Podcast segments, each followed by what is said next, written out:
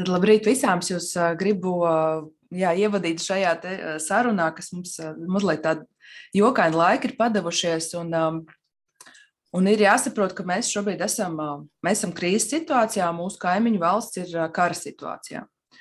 Un mēs esam šeit, un es ļoti daudz redzu, kur cilvēki jūtās paralizēti, jūtās ļoti ievainojami, emocionāli un arī dzen, izrāda to uz āru.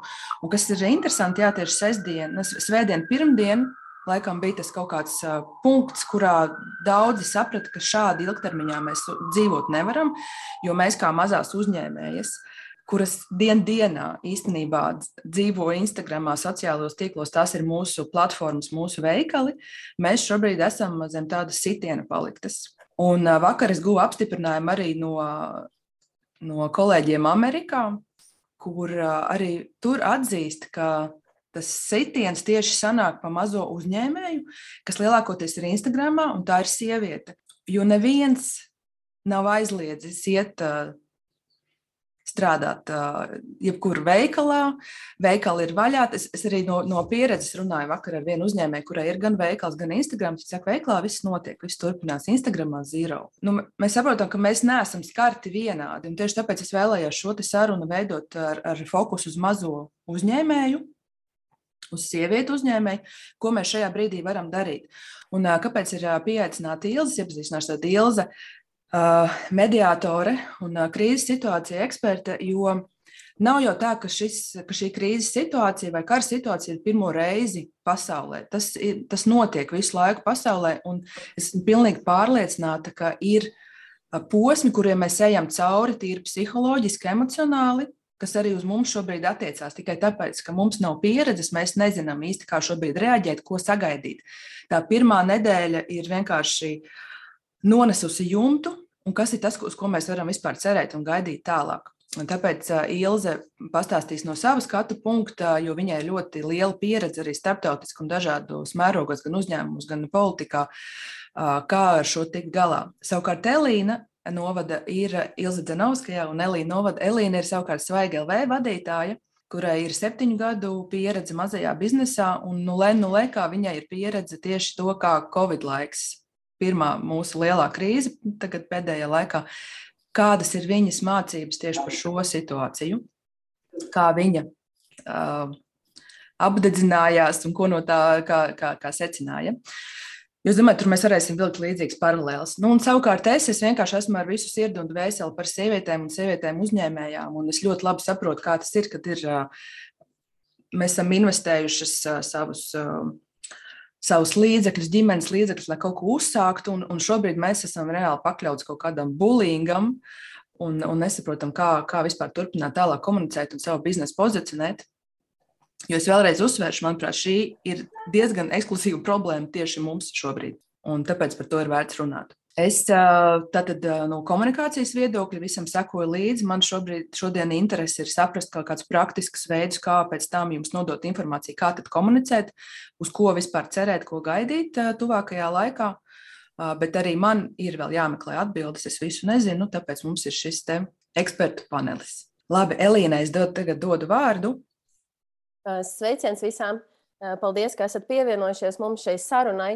Un, kā arī Diana jau minēja, tieši tā, ka um, mana tā, tas mērķis un tā iniciatīva organizēt kopā ar Dianu šo sarunu ir šī nesenā uh, atmiņa no Covid pavasara, vēl tepat divus gadus atpakaļ, kur arī mēs kā uzņēmums tikām iemests tādos apstākļos, kur bija ārkārtīgi īsā laikā jāpieņem ļoti daudz uh, lēmumu. Un atpakaļ skatoties, es redzu, ka mēs izdarījām dažas pat apbrīnojamas lietas vispār tajā periodā, bet tikpat skaidri es redzu, ka tas stress, tā neziņa un tā nespēja dziļi tvert um, jautājumus un lietas atstāja arī ilgtermiņa sekas, kas ir nu, diezgan dārgi maksājušas ne tikai uzņēmumam, bet arī man pašai privāti un manai ģimenei. Un, uh, tas jautājums, ko es sev kā uzņēmēju un kā cilvēks jautāju uh, grūtos, izaicinošos brīžos, ir, kā es no šī varu iziet ārā spēcīgāka, lai ko tas tajā brīdī arī nozīmētu. Un tāpēc arī ir šī saruna, lai mēs visi kopā šķetinātu jautājumus, kas cerams dos idejas un darbības impulsus tālākai rīcībai, jo skaidrs ir viens, ka mēs šobrīd esam kaut kā sākumā. Un, paldies, paldies Ilzai, ka viņa šodien ir ar mums un ķersimies, ķersimies tam vērsim pie ragiem. Un es ar pirmais, ko gribētu iesākt, arī ar jautājumu Ilzai, kā vispār mēs varam saprast, ka mēs esam krīzē un kāpēc ir svarīgi apzināties, ka mēs tur esam? Labrīt! Pirms Elīnas atbild uz tavu jautājumu, nu, man, ir, man ir lūgums konkrēts klātesošām dāmām. Tā kā šis laiks ir šis krīzes laiks, par ko es runāšu, par viņu pazīmēm pēc mirkļa, viņam ir liels risks mūs atsvešināt un ievilkties savādā, un, un, ir, un ir tik liela un um, pazust kaut kādai cilvēcības un cilvēcības saiknē, ko jūs arī pamaniet tajā, kā cilvēki izlādē savu spriedzi, emocijas. Un viens veids, kā viņi to dara, ir vainojot citus un izpauž, meklējot nepilnības visur iespējams, kur vien var piesiet to savu enerģiju. Nu, lūk, domājot par šo cilvēciskās saiknes um, vērtību, man ir lūgums pēc konkrētas stratēģijas. Jūs ļoti palīdzētu maniem spoguļu neironiem un manam prātam un sirdī, ja jūs ieslēgtu savus video un es runātu ar um, cilvēkiem un redzētu jūsu sejas un jūsu emocijas. Un, un mums tas dialogs būtu patiess uh, šeit, laikā un telpā. Mēs šeit nepapadīsim laiku definīcijās, bet tad krīze ir ne, neparedzams, negaidīts brīdis, kurš pēkšņi tevi savā ziņā sašūpo visu tavu, tavu dzīvi, tavu realitāti un noslēdz, noteikti aktivizē sekojošas pazīmes. Neparedzamība kļūst ļoti reāla, neskaidrība kļūst ļoti reāla pazīme, mainīgums strauši kļūst ļoti reāla pazīme, un arī tāds nu, savā ziņā haoss, haos, kurš, kurā ir nu, nekārtības. Domāt, nu, tā visa kārtība, kas ir ieducēta, viņu sašūpot. Un uh, galvenais jau vēstītājs tev ir uh, nu, tavs ķermenis un tava psihoemocionālā iekšējā atbalsta vai, vai, vai komposts. Jūs, uh, kā jūs pavadījāt dienas no 25. februāra rīta? Es zinu, daudzi saka, es neko nevaru nekam citam koncentrēties, es tikai uh, esmu pārsātinājumā, citi raud, citi dusmojās, citi zinu, pausto kaut kādas veids, kaut kādas darbības. Un visas šīs pazīmes kopumā definē krīzes situāciju, kur tavs lietas, notikumi vairs ne, attīstās neparedzamā gultnē, un tu nezini, kā viņi attīstās. Skaidrs, ka realitāte ir mainījusies. Ir Amerikas militārajam dienestam tāds termins VUKA, kas raksturo šos krīzes apstākļus, kuru īstenībā, ja, kur ir četras pazīmes, kurām jau atsaucos, un tas galvenais jautājums par to, droši vien, tā iespēja ir saprast, ka Neatkarīgi no tā, kas apkārt notiek, nu, tava dzīves līderību neviens nepaņems. Un es gribētu teikt, ka šajā krīzes situācijā, kas šobrīd notiek un kas notiek, ja mēs skatāmies uz Ukrainas kara darbību, ir cilvēki, kuri šobrīd cīnās nezinu, par savām pamatvajadzībām, uz dzīvību, uz mājokli, uz brīvību, uz, uz savu māju vietu. Tātad tur ir tas ir vispār dzīvības un nāves jautājums. Un, manuprāt, ir ļoti svarīgi nekļūst par kaut kādiem līdzupuriem, pazaudējot savu atbildību un savu spēju saglabāt savu dzīves līderību. Es jau pirms dažām dienām rakstīju, tur bija Latvijā debata. Eh, nu, kāda debata? Mums nav baigā debašu kultūra. Mums ir vairāk tā, ka viens uzbrauc vienam un otrs atpakaļ es būšu, nebūšu politiski korekta. Es esmu ļoti nogurusi, es nebūšu to, jo manis negaidiet.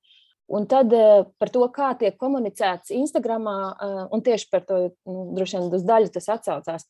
Uh, kurš aicina meditēt, kurš saka, ka no manām meistarklasēm tur kaut kāda summa naudas ies Ukraiņas atbalstam, un kāds saka, ka nevajag fokusēties uz negatīvo. Nu, tad, tad ir, protams, īsas, sarautas vēstījumi ārpus konteksta, un tad uz tiem tiek reaģēts un, un, um, un tiek pamācīti un tiek sodot, sodīti. Nu, ir svarīgi, ka mēs no šīs komunikācijas nu, telpā, no šajā situācijā, mēs nekļūstam par upuriem, un mēs nekļūstam par tādām, kuras vajag glābt. Un tas spēks, par ko Elīna runāja, es teiktu, ka nu, jebkura krīzes situācija, tad, tad viņa, ir note, viņa, viņa ir arī par zaudējumu. Jūs zaudējat ierastu kārtību, jūs zaudējat kaut kādu savu vajadzību, piepildīšanas pratību. Nu, tātad finansiālā drošība, pašizpausme, pašrealizācija, sadarbība sašķobās tā māja ļoti, bet tās vajadzības jau paliek. Un tad ir jautājums, kas tās ir par stratēģijām, kuras mēs radoši spējam atrast. Lai mēs šo spētu darīt, mums ir jāmāk pārvaldīt savas emocijas un izmantot emocijas, izjūtas, teiktu, kā tādu kā vilni, uz kura jūs surfojat, lai nonāktu pie tā, saprastu, ko jūs aizsargājat. Ja jūs paliekat tajā mučkulī un jums nav instrumenti, kā jūs pārvaldīsiet savas emocijas, jūs ieraus atverā. Tagad ir maz resursu, kā glābt no atveriem cilvēkus, kur varētu būt atbalsts un paši uh, nu, tiem, kuri, kuriem ir uh, nu, šī krīzes situācija, skar vispār viņu izdzīvošanas jautājumu. Būtu svarīgi, ka mēs nekļūstam tajā stadijā, kur mūs skar šis izdzīvošanas jautājums.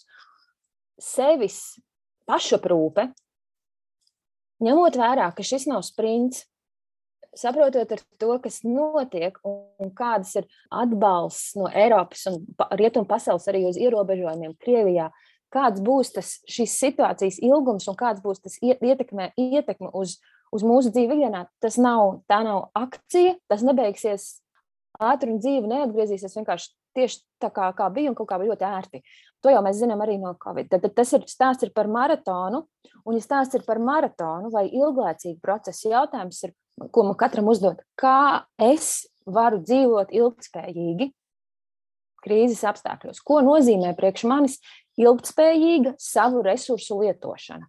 Mana enerģija, mana veselība, mana prāta uzmanība, mani finanšu resursi, mana aprūpes, rūpju enerģija, cik es varu investēt eh, eh, atbalstā, kas ir viss man aprūpējamā sistēma man apkārt, par kuriem es esmu līdz šim bijis atbildīga. Tad savu resursu ilgspējīga izmantošana un tā plānošana. Tā ir tā atbildība un tas ir tas e, izaugšanas brīdis.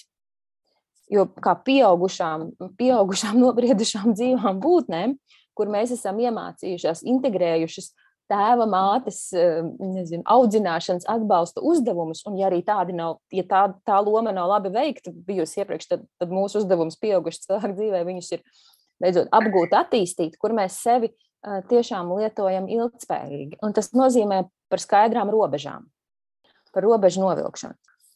Es dzirdu, ko tu saki, rezumējot, ir par to, ka šis ir brīdis, kad ir nepieciešams apstāties uz mirkli un skaidri pateikt, ka es uzņemos atbildību pašam par sevi šajos apstākļos, un kā nepalikt tā, kā tu labi saki, šajā atvarā, lai tevi nemētā visu laiku tie ārējie apstākļi, kas mainās ik pa minūtēm. Uh, Man šķiet, ka tas ir tāds labs atspēršanās punkts, no kura, no kura tālāk, tālāk turpināt.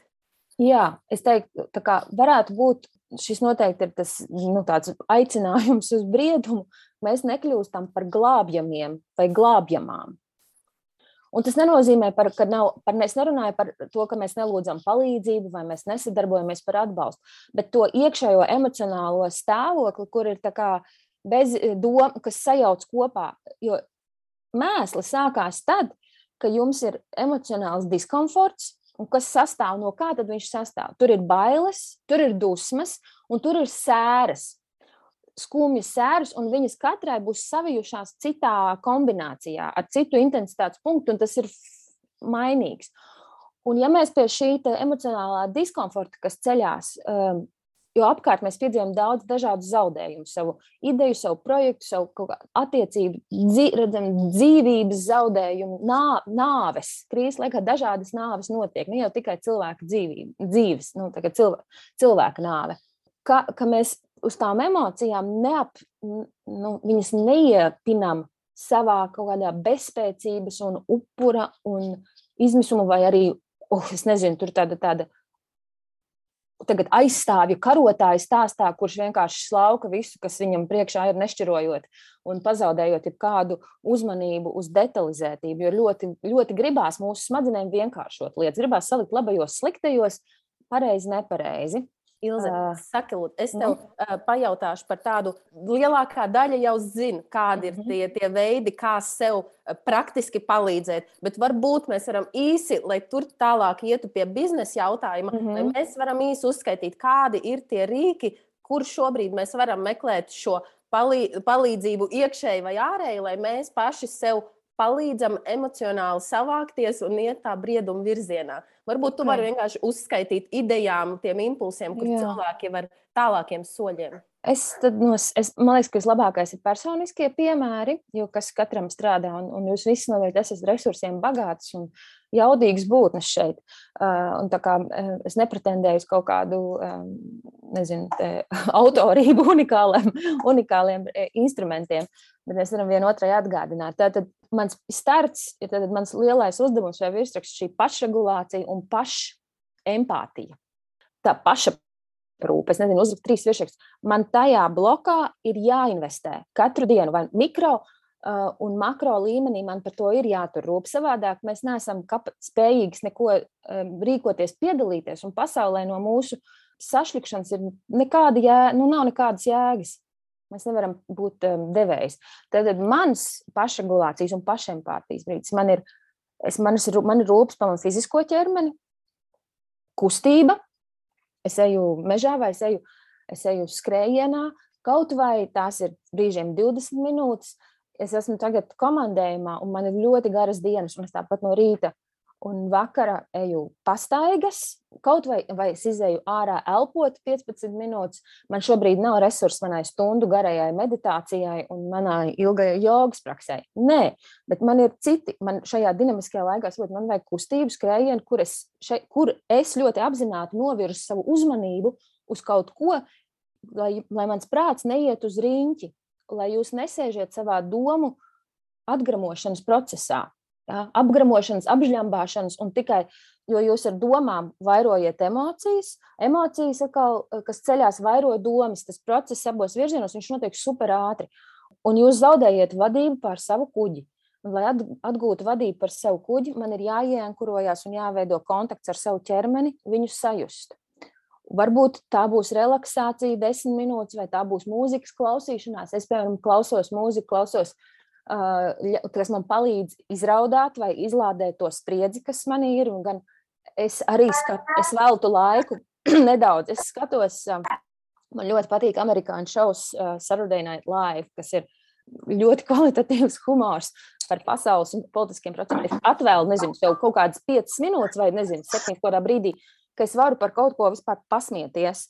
Nu, tā tad rūpes par, rūpes par ķermeni, rūpes par manu uzmanības noturēšanu lai viņa neiet tur, kur pasvilpj un pasauc. Kādai tā ir meditācijas praksa, kādai tā ir elpošana.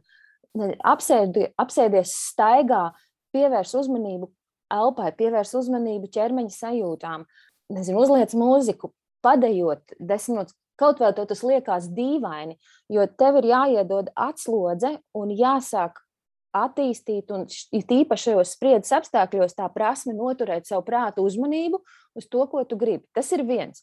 Un, un tas otrs ir par ķermeņa rūpes, kas nozīmē arī ēdiens un miegs pēc labākās iespējas.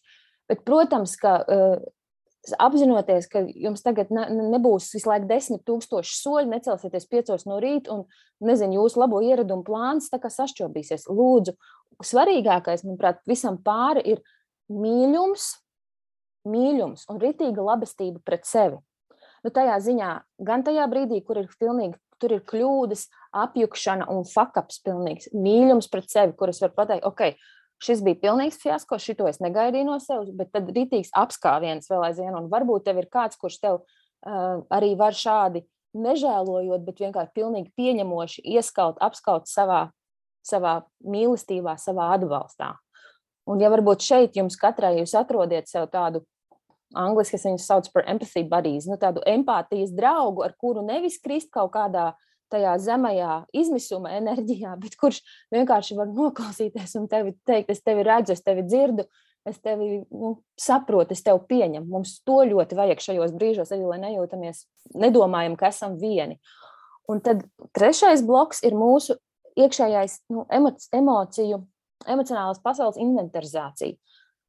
Mums nepārtraukti krājās ja, šīs emocionālās nu, pieredzes, reakcijas, un tas, kas notiek tagadnē, daudziem var arī celt uz augšu, nu, pamodināt apspiestas vai neaprūpētas, um, nepamanītas emocionālas reakcijas, kuras mēs neesam gribējuši ļaut sev just kaut kādas neizsērotas lietas, kaut kādas pieredzes, kas ir krājušas bailes par, nezinu, bailes par nākotni, kas tev nāk no bērnības, bailes par, par, par, nezinu, par to, vai tev uh, cilvēku cilts uh, sabiedrība pieņems, vai tev Instagram pasaule neizstums. Ja visas šīs sākuma bailes viņas mostās, un tad tā metode, nu, tā metode būtu ļoti vienkārša, bet neviegla. Angliski es viņu teiktu, feel it until uh, you heal it. Nu, kad tu atrodi sev dienas mirkļus, kur tu staigā vai sēdi, atslābini ķermeni, un cik tu vari, nezinu, desmit minūtes ļauj sev just to emociju, kas tev ir, bet nedomājot par viņu, pieņemot ar mīlestību. Ar mīlestību nozīmē, ka es nepartojos, ka es nemēģinu noliegt, ka es eju iekšā tajā bailē, eju tajā dusmā, bet vienlaikus tas tavs veselais saprāts, nu, veselās vai neokorteks, priekšējā smadzeņu daļa, viņa vēl viņa spēja, viņa, viņa tev atgādina, ka tu esi vērotāja. Un šis ir tas īstenībā ikdienas garīgums, tas ir tas brīdis, kur es varu ar mīlestību būt klātesoša pie tās emocionālā satura, kas manī ir, viņā neiestrēgstot, jo vairāk es atslābināšu ķermeni, atjaunošu uh, uzmanību uz to, ko gribu izmērīt. Es turēšu sevi tādā nu, ilgspējīgā funkcionēšanas uh, stāvoklī.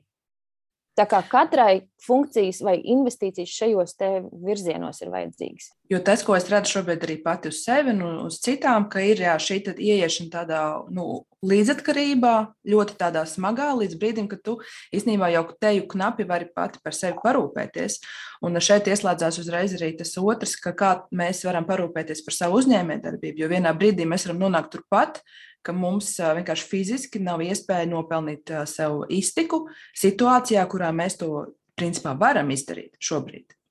Un, uh, mēs nevaram palīdzēt ne sev, ne citiem beigās. Kā, nu, tas par to atveru, kur vienkārši ierauj. Okay. Jā, Man šķiet, jā. ka ir ļoti būtiski tas, kā veltīt, veltīt šo laiku šim ievadam, šim sarunam, tas, ko Ilza tik labi un precīzi izstāsta, jo tas visi tālākie risinājumi, kas mums, mūsu uzņēmēju darbībā nāks, viņi nāks no mums un visa tā, kas mūsos notiek, un kā mēs spēsim paši par sevi parūpēties. Un, un galu beigās var gadīties, ka tomēr tā uzņēmējdarbība arī ir garīga spēle, un, un kur mums vienkārši jāmācās vadīt, spēlēt. Bet varbūt tās mēs ilgi varam pāriet jau pie tādas darbības biznesā.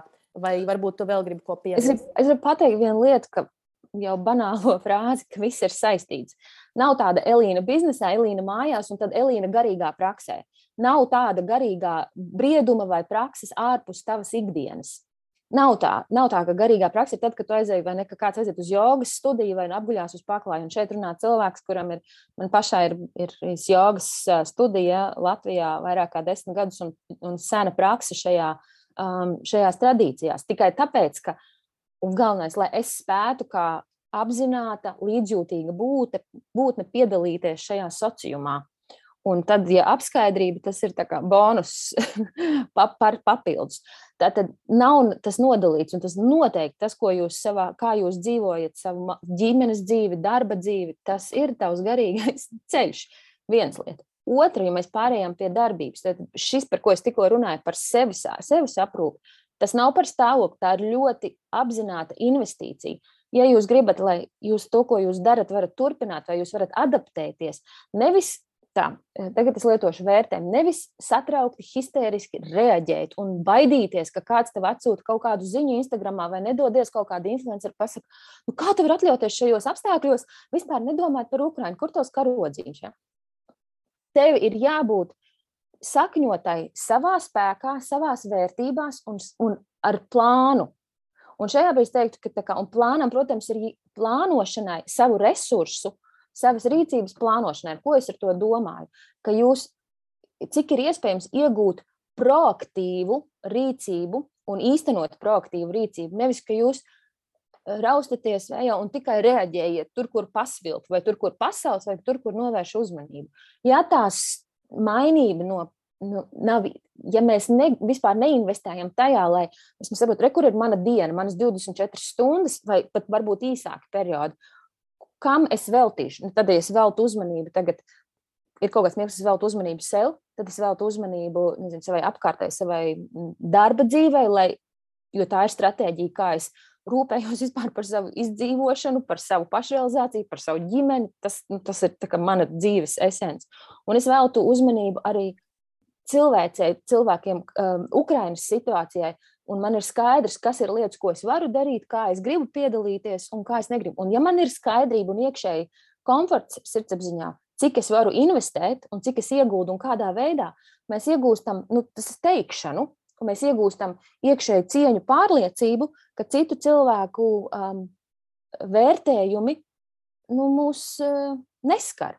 Bet, ja man nav tā skaidrība, un man nav, es esmu devusi savu izvēles, izdarīšanas spēju, kļūdas pēc citiem, tad es esmu uh, struntīgā situācijā. Un šī apzināta izvēle, jebkurā zonā mums savā darbības ir jāmēģina atgūt vai iemācīties viņu no, noturēt un nosargāt. Tā kā šeit... ejam uz proaktīvu, tad uh, rīcību droši vien uzņēmē darbības vidē tagad. Jā. Es šeit gribu pajautāt, um, tas, ko es dzirdu, ko tu saki, ka, ja es sev skaidri esmu nodefinējis, ko es gribu un ko es varu, tad man, man ir tas plāns, iekšējais plāns, vismaz virziens, kurā iet ko darīt, ja es vēl neesmu tik apzināts, un šajās, šis brīdis prasa šo iekšējo apzināšanos. Kā man uz šo jautājumu, kā sākt risināt? Jo viena tā lieta ir, kā sabalansēt to, ko man ir, ko dot, un kādas ir manas vajadzības, un kādas ir sabiedrības vajadzības, kur mēs visi esam daļa no tās, un mēs visi baudām šo nu, sabiedrības labumus, ko tā mums dod, kurā mēs dzīvojam. Kā, vai tev ir kāds nu, ieteikums vai vismaz idejas impulss, kā, kā pieiet šim jautājumam, kā nodefinēt, kur es šobrīd stāvu un ko es esmu gatavs dot un darīt? Um, es teiktu, ka tev ir jāsāk. Pirmais ir ar inventarizāciju par sevi. Nu, kas ir tavi resursi? Un kas ir tavas vajadzības? Kādai no jums, piemēram, Un, okay, kā, ko tas nozīmē tā reāli? Paskatīsimies, gadījumiem, kāda no jums, iespējams, esat, jums ir nezinu, viena cilvēka uzņēmums, jums ir ģimene, jums ir apgādājamie, kas ir tikai uz jums iespējams. Ka jums saglabāt, nodrošināt šo finanšu resursu plūsmu ir jūsu solo atbildība. Un kādai no jums, piemēram, šis, uz, šī uzņēmē darbība, tas ir tāds, nu, meklējums, kā es gribu sākt pašrealizēties, un uh, man ir kārtīga aizmugure, nezinu, brāļi, māsas, vīrs, vēl kaut kas, un man ir pavisam cits resursu apjoms, ko es varu ieguldīt. Tas tāpat kā, nu, iedomājieties, ka mēs runājam par um, tādu saprātīgu, ilgspējīgu finanšu lietošanu. Tev ir tava enerģija, tavs laiks dienā, nu, pieksim, salīdzināt, viņi ir 100 eiro.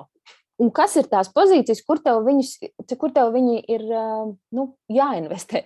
Cik tu ieguldi es tekošai operatīvai darbībai, kas ir tavas atbildības zonas, cik tu vari iekrāt, atvēlēt citiem, un kāds, nu, var, ja tev, varbūt, man ir 100 eiro, bet kādam varbūt ir 1000 eiro, un tā proporcija, nezinu, viņa, viņa 10 vai 20 procenti iztīsies savādāk. Bet uh, domāt par to procentu, es, te, es teiktu, tagad lietošu tādu matematikā, domāt par to procentuāli, lai tev tajās, tajās kastītēs vai dzīves zonās, kur tev šobrīd ir jāiegūda, noteikti. noteikti. Es nerunāju par komfortu. Ir, es noteikti, ka viena lieta, kas ir kā, būtu savā sev jā, jāatgādina, mēs neejam uz perfekto, Un mēs nerejam uz to, ka jūs staigāsiet pa ūdens virsmu, jutīsieties, ka jūs lidināties un ir superīgi vienkārši dzīves, nu, iekšējais, nezinu, stāvoklis un tā tālāk. Bet mēs runājam par gana labu stratēģiju, ar tādu, kur es varu dzīvot.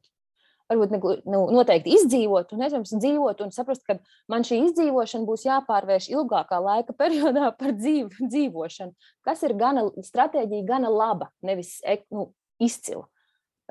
Tas, man liekas, ir svarīgs jautājums. Un tad, tad sadalīt pēc tam tās dzīves jomas, kurās man ir jāinvestē. Es vēl mācu piebildu, es arī daudz runāju šobrīd arī ar, ar, ar dāmām. Es zinu, ka ir cilvēki, kas savus priekšpēdējos desmit eiro aizsūta. Un šeit man liekas, ir tā proporcija. Un, tā kā, tu vēlēsies palīdzēt, bet uh, vai tas ir šobrīd racionālākais? Varbūt tie priekšpēdējie desmit eiro ir jāieliek savā kontā, lai tu ilgtermiņā varētu turpināt par kaut ko darīt un nepaliec, nezinu, tu bez mājas, jo tev īri nevar samaksāt. Šis ir ļoti individuāls jautājums. Ka, un, un kāpēc? Ko es domāju, ir individuāls? Nu, mums visiem ir iekšā vērtību sistēma, vajadzības. Ja? Vajadzības un vērtības es lietoju kā sinonīmus. Ar to es domāju pašrealizācija, cieņa, drošība, sadarbība, miers, nezinu, intimitāte, plašs spektrs, nezinu, atzīšana. Šīs ir vērtības, vajadzības. Un viņas katram mums iznāk nu, no tā, kā mēs esam attīstījušies savā dzīves posmā. Mums, mums ir kaut kādas vērtības, uz kuriem mēs, kuru, kuru aizsardzībai vai aprūpē, nu, mēs esam, mūsu uzmanība ir vērsta intensīvāk nekā citiem. Mums visiem ir šīs vērtības iekšā, bet katram ir kaut kādas, kuras, par kurām mēs turam lielāku rūpu vai kuru apdraudējumu mēs izjūtam spēcīgāk. Nu, ja, tā, ja tā vide ir tā, nē, nu man ir, man ir lai es varētu vispār sadzīvot ar savu sirdsapziņu un, un ar savu iekšējo vērtību sistēmu integritāti. Ja? E, man ir šajā brīdī jāveic kaut kāda atbalsta darbība, un tā es redzu, ir vienīgais ziedot. Tajā brīdī, ok, to izvēle var saprast, bet viņa, e, protams, ka būtu ļoti svarīgi, ka mēs varam šo cēloņu seku nu, izvērtējumu atcerēties. Jo Un te mums ir vajadzīgs vēsts prāts, jo ir dažādas stratēģijas šobrīd, kā atbalstīt vajadzību, atjaunot mieru un novērst vardarbību. Tā ziedošana visur, visiem par labu, vienalga, ko, kādā veidā, lai tikai es būtu kaut ko izdarījusi. Okay, šis pirmais vilnis sāk, man liekas, bišķiņi norimt. Cilvēki sāk, kā, sāk strateģiskāk domāt un atskan informācija no Ukrainas, ka, kam ir jēga kam nav, kam nav jēga, bet jums jau nav tikai nauda, ar ko jūs varat dalīties. Jūs varat, varbūt par to mēs runāsim pēc tam, jums ir enerģija, jums ir vārds, jums ir rīcība, ļoti dažādi resursi. Un mums ir šis ir arī par to palīdzēt ieraudzīt, kas te ir par resursiem un kas tad ir strateģiska, jēgpilna iesaiste, kur es varu pielikt savu roku tā, lai es nenosiņoju un neizbeidzos, nu, kā tā tavā piemērā, ja pēdējā pēdējos desmit eiro, un pēc tam, tagad, kur tad, labi, kurš mani baros, mana mamma vai, te, vai, vai, vai, vai, vai kurš aprūpēs manu bērnu, jo es tagad noziedoju savus pēdējos desmit eiro Ukrainai. Varbūt ir cits veids, kur tu vari daudz ilgspējīgāk atbalstīt šo situāciju, nu, atzināšanu. Es tieši par to arī gribu tālāk ievirzīt to eh, sarunu. Viena, eh, viena lieta, ko es dzirdu, ko tu saki, un ko es arī daudz esmu pārdomājusi, ir, ka tā atbildība par iekšējo to savu vērtību sistēmu un tiem lēmumiem, kā tu saki, ar pietiekami labu plānu, Tas lēmums ir jāpieņem katram pašam iekšēji sevi. Un to atbildību uz nevienu citu mēs nevaram pārlikt, lai ietu tālāk. Lai kā gribētos. lai kā gribētos. Eh, tad, kad ir šis, eh, šis darbs, vismaz ar fokusu uz pietiekami labi izdarīts. Un, uh, mēs esam sapratuši, ko mēs uzreiz varam izdarīt, lai atbalstītu uh, Ukraiņas situāciju. Uh, Bet tad ir otrs jautājums blakus. Es to darbu šajā virzienā uz šo brīdi esmu paveicis, sekoju līdzi nu, un turpinu darīt. Bet blakus tagad mēs pieskaramies tam jautājumam, ir tas mans darbs, mans bizness un mana tā komunikācija eh, tajā sociālajā telpā, kurā es esmu. Un kā sākt tagad veidot savā ziņā no jauna tās attiecības ar savu auditoriju, lai atkal atkal pievērstos šī darba tēmai, kā pāriet no šī Ukrainas un krīzes jautājuma uz to ikdienas darbu, uz to manu produktu, uz manu pakalpojumu, lai tur um, atsāktos šī, šis, jā, nu, šīs biznesa, šī biznesa uh, darbība. Kā sākt atkal, atkal no jauna un uh, atkal no jauna un turpināt. Jā. Okay, man liekas, tie ir vairāki, uh, vairāki faktori, un, tas, visu, un, un tās darbības notiek paralēli. Nu, nav, ja, ja tā ideja ir tāda, es tagad noziedoju Ukraiņai vai rekursu, tagad ieliku postu, viss tagad, eh, vai es te piedalījos akcijā vai protestā, un tagad es ķeros darbam, uz to nestīšos. Nē, mums būs jāsadala savu uzmanību, savus resursus, sava resursu investīcija ilgstoši vairākos virzienos. Kā es, es, kā es par to domāju? Nu, tā tad es katru dienas kontekstā un savas arī profesionālās darbības kontekstā, domāju, okay, kas ir kas ir tās, cik ir tas mans resurss un manas darbības, ko es veltu tam, lai um, dotu savu jēgpilnu ieguldījumu, kas ir saskaņā ar manu sirdsapziņu, ar maniem resursiem šajā Ukrainas uh, kara darbības uh, novēršanā, mazināšanā, uh, cilvēku atbalstīšanā. Es esmu izdarījusi savu mm, konfliktu analīzi, es esmu veltījusi laiku, lai saprastu, kas ir strateģiskās, tas ir man arī mans akadēmiskā un profesionālais fons, saprast, kas ir, ko nozīmē strateģiska miera veidošana šajos apstākļos, kas ir iesaistītās visas puses, kādas ir viņu vajadzības, ko es kā cilvēks Latvijā, kā es varu atrast sev jēgpilnu ietekmes punktu šajā schēmā, uz kuras virsu savu enerģiju. Man par to ir skaidrība.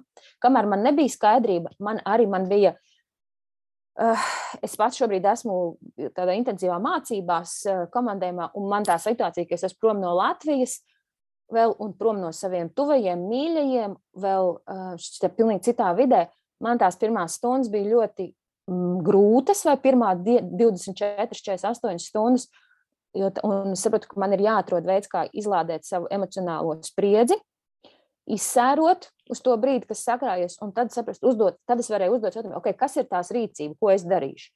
Ja, šeit jēgpilni, jo man tas, ka es noziedoju 5, nezinu, vai 50 vai 100 vai 200 eiro ziedot LV, man izprotot to situāciju, man, priekš manis tas nebija gana labs risinājums. Okay, bet tālāk, jautājums ir, nu, ka mēs kļūstam par savas nu, lēmumu autoriem, un mēs uzņemamies atbildību un proaktīvi izdarām to vēstījumu tālāk. Okay, es gribu turpināt savu uzņēmēju darbību, bet iespējams, ka tev ir jāsaprot, ka tev ir jāadaptējas. Un tas veids, kā tu to īstenosi, vai, nezinu, vai tu tirgo, vai kas ir tas, ko tu pārdod. Ja? Ka tam, tas, kā tas notiks, nu, notiks savādāk. Tu nevari pārslēgt switch, re, kur tas ir, un te pilnīgi nekas nenotiek. Tāpēc, ka tā krīzes nu, dziļums un ietekme, ietekmē visus tavu vēstījumu saņēmējus. Un es teiktu, ka ļoti svarīgs solis, ka es izdomāju, kas ir mans proaktīvais vēstījums, un es saku saviem klientiem, savai auditorijai par savām vērtībām, par savām izvēlēm un par saviem iemesliem. Kāpēc es tagad daru tā, kā es daru, un, un I, I own it. Ja? Nevis, ka mani, es nezinu, tagad es pilnībā pārdodu savus džemperus un vispār uh, neviens neko nu, nu, nezinu, neparādās, ka mana apziņa par to, ka blakus uh, kaimiņu valstī notiek šī kara darbība. Nē, man ir jāmeklē tas integrālais veids, kā satuvināt šo savu ikdienas realitāti, operatīvo darbību ar šo lielo bildi un kā tas izpaudīsies. Vai tur būs vēstījums, es nezinu, tagad runājam par stratēģijām, vai tur būs vēstījums tavā Instagram kontā, vai kas ir tav, tas, tas pārdošanas rīki. Un jo lielāka skaidrība, jo, jo nu, proaktīvāk es kontrolēju to vēstījumu, mazāk, mazāk, mazāk apjukuma, mazāk nu, tāda muļāšanās pašai. Nu, kā tad es to savu nezinu, lietu tagad pārdodu? Un iespējams, ka tas, protams, prasa arī tev kaut ko pārkārtot un jaunradīt un mainīties, ka tas ir kaut kādas preces vai pakalpojumi, nu, tā ir realitāte. Šis ir par zaudējumiem arī, kuras, nu, kuras cilvēkiem nav neatbilst viņu vajadzībām šobrīd. Nu, galīgi nemaz, un tur mēs varam sist dibenu pret zemi, un nu, tā realitāte ir tāda, kā ir. Cilvēku prioritātes mainās. Tas virziens, kas mums ir, Mums ir cilvēku labesība, tā ir attiecība kvalitāte, tas ir um, labklājība. Šajās jomās kaut kādas lietas iznāk priekšplānā, kādas atkāpjas vairāk. Ar to ir jārēķinās, ka tieši tāpat turpināt, tā kā bija. Es nezinu, varbūt to, ko es tirgoju, es nevarēšu. Man ir jāapg jāapgreido tas. Bet galvenais ir skaidra vēstījuma. Kāpēc? papildināšu no komunikācijas arī puses, jo daudz prasa, nu, kā reaģēt. Jo, jo ir cilvēki, kas komentē, un tie gadījumi ir vienkārši vaiprātīgi. Jo ir, tu ziedo kā. Piemēram, ziedo.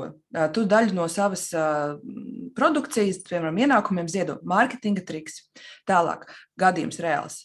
Sieviete bija aizgājusi šķirot mantas, ielikt savā biznesa kontā. Viņa saka, ko tu lielies? tās situācijas ir, lai tu darītu vienu vai otru, tu dabūtu to pretestību. Man liekas, tas, tas, ko tu runā par tām nu, vērtībām, tas ir Jā. tas, kurā tu esi imūns pret šo. Cilvēki, tā, vai tu, ko tu lepojies, vai visi šie izteikumi, tās ir nu, visiem cilvēkiem ir spriedze, ir neapmierinātība, ir dusmas, ir citiem bezspēcības sajūta. Un, ja man ir, un tā ir viena tāda ritīgi traka um, emocionāla tendence. Ja man ir iekšā bezspēcība un apjukums, es gandrīz tā kā mēģinu. Tas tāds traģisks veids, kā sev parādīt, ka man ir spēks, ka es varu ļoti daudzus citus cilvēkus padarīt bezspēcīgus.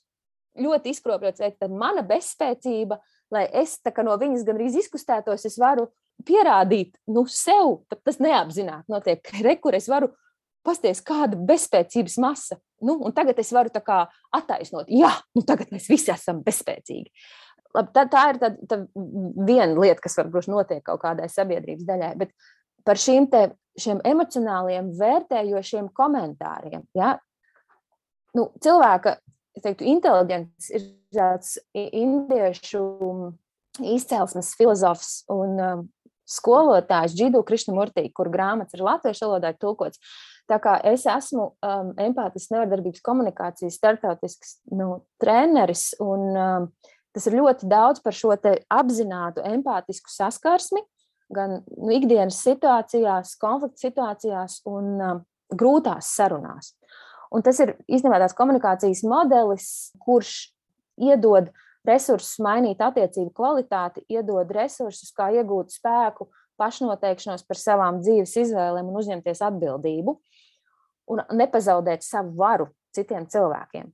Tad, tiklīdz es reaģēju uz vērtējumiem cilvēku, un, es, un ja es gribu, es gribu būt laba, jauka visiem, drīzāk tu būsi mirusi nekā laba, jauka visiem. Tam, kam man ir jāpaliek uzticīgai, ir manas vērtības un mana apzināta, pārdomāta izvēle, kā es šīs vērtības iedzīvinu savā dzīvē. Un mēs pašas arī sevi vērtējam. Un tagad tā, tā atšķirība ir tāda, ka tad ir mūsu dzīve notiek vērojumā, nu, mēs varam novērot tad, tad reāls, konkrētas darbības, mēs varam novērot eh, citu cilvēku sacītos tekstus, un tad nāk pa virsmu emocionāla kārta, ko mēs bieži sākam interpretēt un vērtēt. Nu, piemēram, ko tu tur lepojies, nevis lepojies vai lielies vai vēl kaut kā. Es kā gan kā mediātors, gan kā nevarbības komunikācijas treneris, es uzdotu, ja man ir empātijas resursi, es uzdotu jautājumu, kas šim cilvēkam sāp, kas viņam trūkst, kas viņam ir vajadzīgs.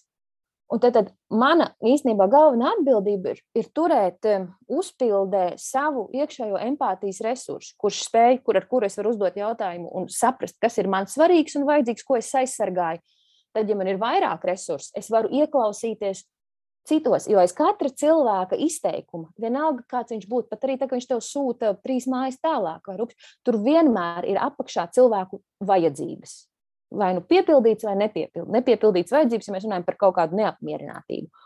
Un, ja man ir, man ir resursi un prasmes ieskatīties, es varu empatizēt ar šo cilvēku, bet es varu būt, ka man nav tāda resursa. Un man varbūt ir jānovelk stingrāka robeža. Tas novelk stingrāku robežu, vai tas ir vārdiski, vai tas ir rīcība, vai tā ir aiziešana, vai man es izmantoju atbalstu, nu, piemēram, kā man ir citas, nezinu, organizācijas uzņēmumi izmanto atbildi, palīdzēt šo iztulkot un palīdzēt veidot vēstījumus, kas ir spēcīgi un cieņpilni pret arī apkārtējiem.